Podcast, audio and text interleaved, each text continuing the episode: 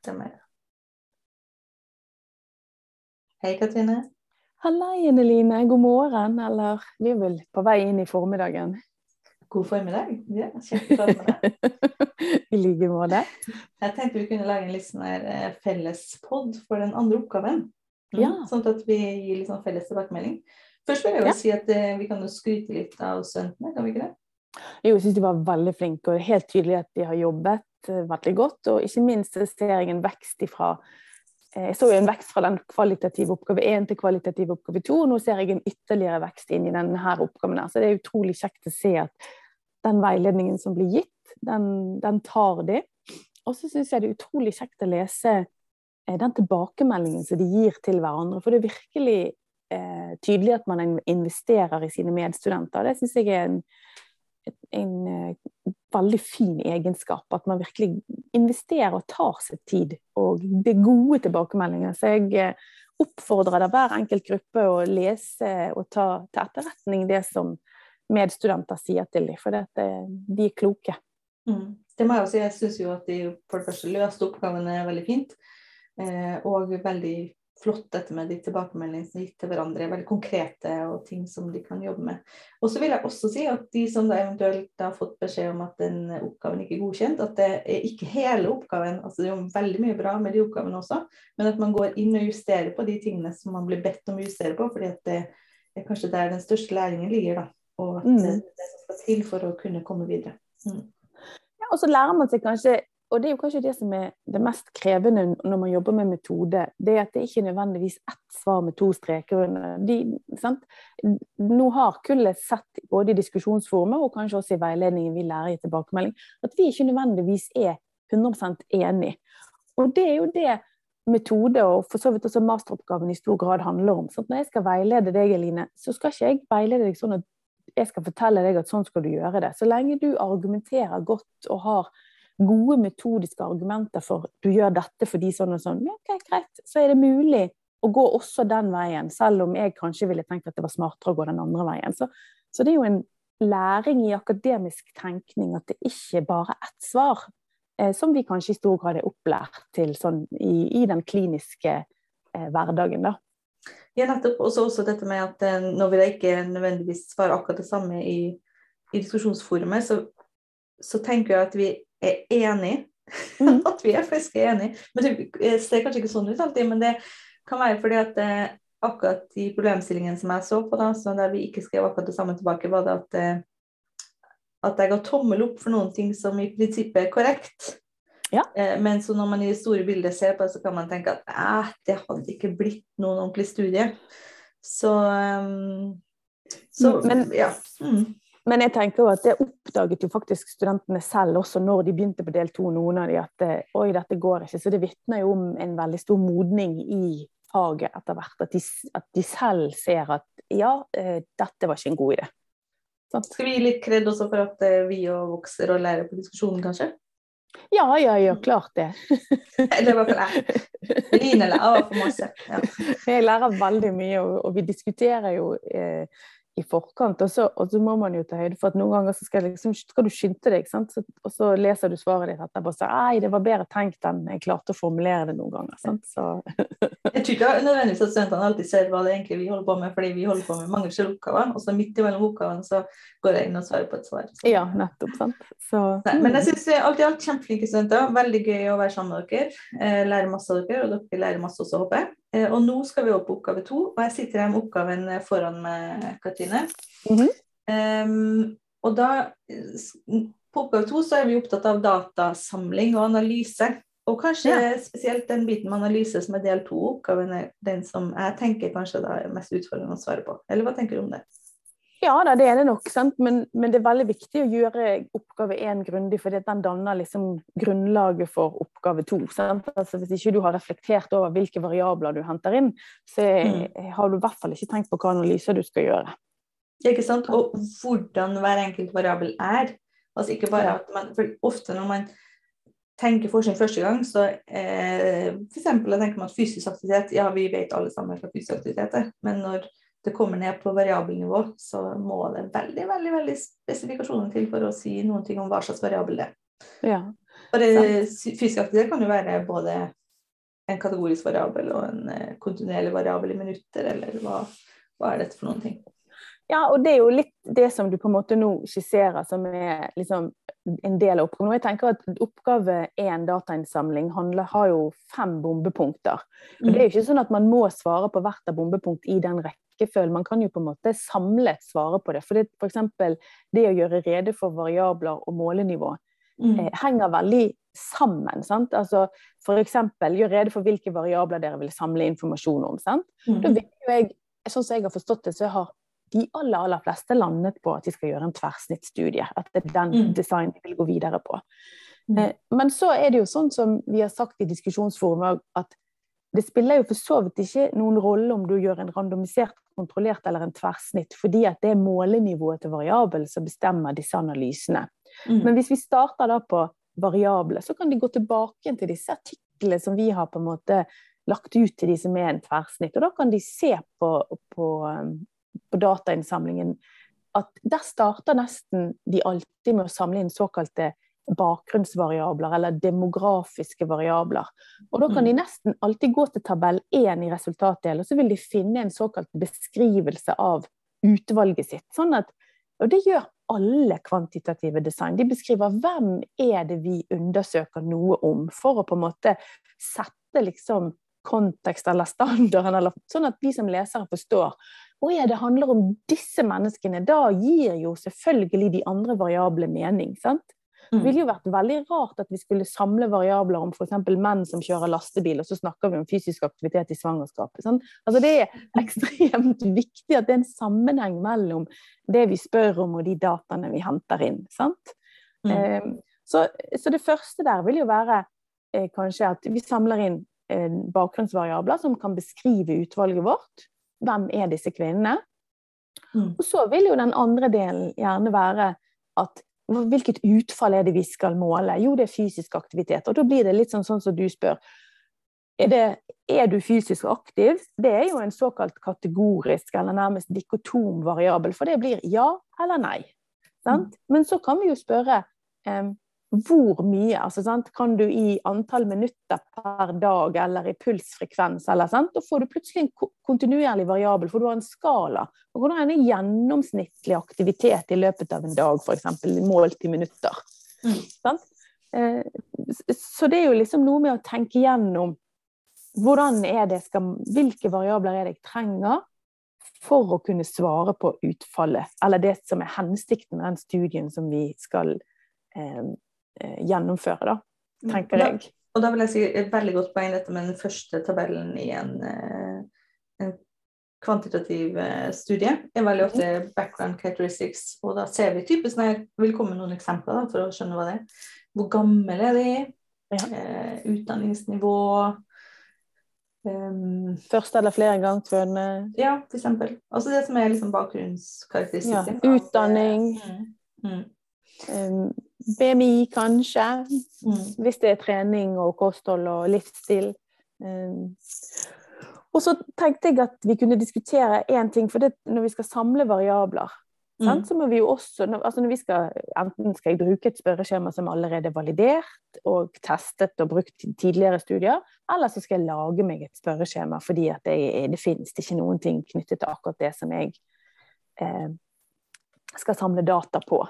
Mm. Eh, så kan du si at eh, Nå svelget jeg kanskje litt det jeg skulle si. Jo, det var dette med at eh, hvilke variabler samler vi? Vi samler jo variabler på individnivå, sant? Mm. Men vi presenterer de på gruppenivå. Og det handler jo om personvern, og det å på en måte, for vi samler jo en del variabler som kanskje kan være såkalte indirekte identifiserbare variabler. sant? Mm. At jeg spør hvor gammel er du, hvor høy er du, hva veier du? Ja, hva utdanning har du, hvilke deler mm. Plutselig så bare snevrer du inn, og så til slutt så kan du si jo, det er jo Eline Vik. Sant? jeg tror faktisk at jeg i mitt materiale kan finne meg selv, så det er helt ja. riktig. Mm. Og det er veldig viktig dette med indirekte identifiserbare variabler. Sant? At vi husker mm. på det at, at det ikke er bare å hente ut en haug med variabler og tenke hva er problemet. Her kan rekka NSD si mm, mm, mm, nei, her får ikke du samle dette fordi at nå er du eh, også ikke tett nok, eller har ikke tenkt nok over personvernforskrift eh, eller hensynet til personvern. Så det er veldig viktig å tenke på. Og da i særlig stor grad si at vi presenterer på gruppenivå. Og kanskje noen ganger Eline, må vi gjøre en kontinuerlig variabel om til en kategori. Ja, For, veldig ofte faktisk må vi gjøre det. Sant? Og da er jo BMI er jo kanskje en sånn, og alder kan være en sånn eh, mm. såkalt kontinuerlig variabel som vi gjør om til en kategori. at vi snakker, Og det har sikkert de aller fleste av de som lytter til denne podkasten vært med på. At de skal krysse av på er du i alder 20 til 25. Eller er du i alder 26 til 30? Er du i alder 31 til 35? sant? Og mm. da har du på en måte Du kunne oppgitt alder 27. Men istedenfor så blir du i en kategori sånn og sånn. Og dermed så har du på en måte kanskje kamuflert den indirekte identifiserbare variabel fordi at du er i en gruppe, sånn at ikke du kan plukke deg ut. Og det samme gjør de med BMI. Det vi ofte ser på da som forskningsetisk, er om eh, det du sammenligner betydning for forskningsspørsmålet ditt. Ja. Hele tiden tilbake til problemstilling, forskningsspørsmål. Er dette relevant? Er dette viktig for å kunne svare på problemstillingen vår? Eh, og samle data ut ifra det. Da. Mm. Så da, da, tror jeg at vi har sagt en del altså hvilke variabler, bakgrunnsvariabler, også mm. variabler om utfallet. Men, men, men tenk over er det, hva, hva, er variabelen min? Er den en kategori? Er den typ sånn at jeg kan si ja eller nei, høy eller lav? sur eller sint. Altså sånn, to forskjellige, eller, eller, første gang, andre gang, flere gang. Da har du tre kategorier, sant? men alt er i en kategori. Sant? Eller er det en kontinuerlig variabel? Sant? At du kan regne da gjennomsnittet sant? på eh, BMI, eller på alder, eller på, For det går ikke an å regne gjennomsnitt første gang. Sant? Jeg vil, jeg presiserer at dikotomvariabel er når du har en variabel som kun kan innta to verdier. Ja, sånn type at enten er førstegangsfødende eller ikke førstegangsfødende, eller eh, ja, hva det måtte være. Ja. Så, mm. så, hvis dere klarer å tenke nå sier dere, men, men de som lytter til, klarer å tenke på hvem variabel har jeg? For det sier noe om hva du kan regne på. At, og når jeg sier liksom, du kan ikke regne gjennomsnitt kvinne, så er de aller fleste enig med meg i det. Og tenker at ja, men vi kan regne prosentandel. Sant? så og så mange var kvinner, og så og så mange var menn. Sant? Så, så først kan alle tenker at de skal ha opptelling og prosenter, f.eks. Mm. Eller gjennomsnitt, alt ettersom hvilke variabler de har. Og så går vi litt videre. Så vi går litt videre, eller? Ja, vi kan gå videre. For nå vi jo måte, beveger vi oss jo inn på dette med, med analyser og, og analysemetode. Og der tenkte jeg at jeg skulle bare si én ting til de som skal skrive oppgavene sine. Det er at ikke vær så opptatt av om det heter eh, deskriptiv eller inferensstatistikk. Kanskje dere heller bare si hva dere har tenkt å gjøre. At man da sier på de kategoriske variablene så gjør vi slik og sånn og mm. sånn. Og på de kontinuerlige variablene så gjør vi slik og sånn og sånn. Og da er det jo veldig ofte at kategoriske variabler kan du regne prosenter og andeler, og på de kontinuerlige kan du regne gjennomsnitt og dermed standardavvik. sant? Mm. Og så kan jo vi gå videre, sånn som jeg har sagt til noen grupper, at fordi at de ser jo på noe. De ser jo på en måte hva som på en måte eh, De kan ikke si noe om årsak-sammenheng, for de gjør en tverrsnitt. Men de samler kanskje data på både første og flere ganger. Sant? Så da kan de se Eller, på forskjeller mellom grupper? Ja. sant? Mm. Og, og, da eh, eller de ser på høy eller lav BMI, så kan de se på liksom, er det forskjeller mellom det. sånn at Da kan de gjøre såkalte krysstabeller og, og regne ut enten chi kvadrat eller T-test, avhengig igjen av om det er en kontinuerlig eller kategorisk variabel. sant? Og så må man vise hva en skal eh, presentere resultatet sitt som, da, som ofte vil være en P-verdi, f.eks. Ja. Eller at man viser eh, variasjonen rundt et funn som et konfidentintervall. Eh, og, ja. og så vise det til metodelitteratur som sier noe om hva det er for noe, og vise en forståelse for disse resultatene. Ja, sant? Så da har vi jo egentlig gitt de hele rammen for, eh, for oppgaven. Og så høres det sykt lett ut når vi snakker om det, og så er det ikke så enkelt. Sant? Altså F.eks. det bombepunktet som beskriver hvordan dere vil presentere hovedresultatet. Da tenker jeg oi, det kan jo være litt sånn vanskelig. Men, men ok, hvis utfallet er da øh, ja, nå ble, jeg litt sånn Utfallet er fysisk aktivitet. Så kan man jo på en måte si noe da om hvordan Om er det i Svangerskapsdiabetes, kanskje? Ja, det er svangerskapsdiabetes stort sett som er det de lurer på, ja. Ja, altså, Ja. eh, Vi må jo presisere det, at det er grunnen til at vi tenker litt på det, er at, at eh, hva som er utfallet. er fordi at vi Ja. hele tiden forholder til en tidslinja, Hva kommer sist? Og vi kan jo egentlig ha fysisk også som utfall, hvis man ser på en helt annen problemstilling. Men her ser vi i stor grad på svangerskapsdiabetes. Kan også være at noen har sett på preeklamsi eller ja. ja sant? Og, eh, og da må de jo på en måte si noe om eh, hva data de har samlet inn, og hva de har sammenlignet, og hva er hoved... Og da vil jo f.eks. kanskje ikke såkalte demografiske variabler være hovedresultatet, men det vil jo være en del av bildet. Sånn at det går jo an å på en måte si at tabell 1, der presenterer vi hvem utvalget er, og tabell 2, der vil, vil vi presentere hovedresultatet. Og dere har jo ikke noe variabler som dere kan regne på, så det, dere skal jo for all del ikke regne og sette opp en utregning, men kanskje si noe om at det skal presenteres med en relativ risiko, f.eks. For, eksempel for det er forskjell mellom eh, førstegang- og flergangsfødende når det gjelder det og det utfallet. Og en P-verdi og et konfidensintervall, f.eks. ja. Ehm, og eh, disse resultatene de kan man også beskrive at, eh, som at man vil presentere det som tabeller og eller figurer. Ja, ja, ja. ja. Sant? Eh, Da vil jo ofte da den første tabellen være en tabell, og så vil man kunne presentere noe annet også som figur, eh, hvis man vil beskrive det. Og da vil jeg bare legge til at innen statistikk så figurer er bare en forenkling av virkeligheten. De kan like så godt presenteres i en tabell, så man kan også bare forholde seg til tabeller.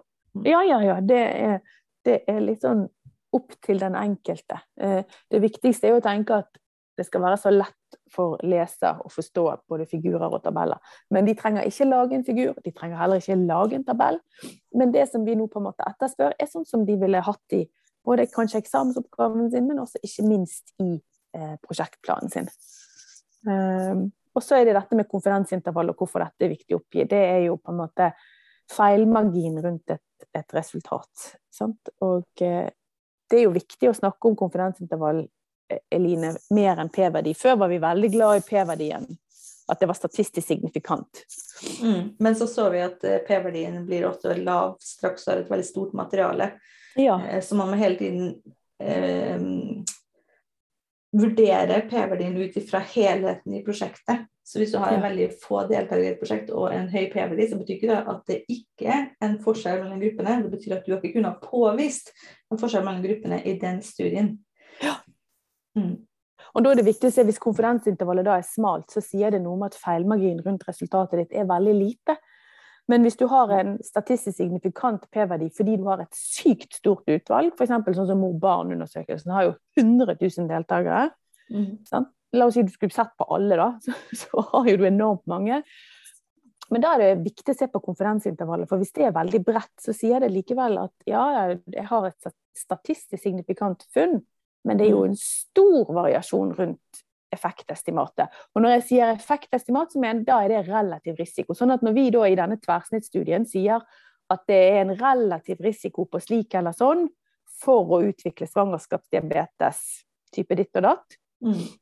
Eller, eller ikke sånn, eller det er en forskjell, det er en relativ, det er en større risiko for å utvikle svangerskapsdiabetes hvis du er flergangsfødende enn førstegangsfødende, for vi kan ikke si noe om årsakssammenheng i en tverrsnitt.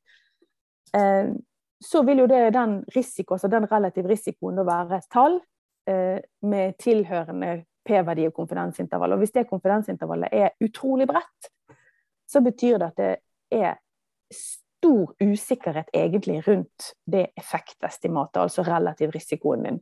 Mm. For det betyr at hvis vi gjennomfører denne studien 100 ganger, så vil relativ risiko ligge da mellom eh, det ene og det andre ytterpunktet i 95 av tilfellene. Og det betyr at noen ganger så kan relativ risiko være 0,1, og noen andre ganger kan det være 1,1. La oss si det, hvis du har et så stort bredt konfidensintervall.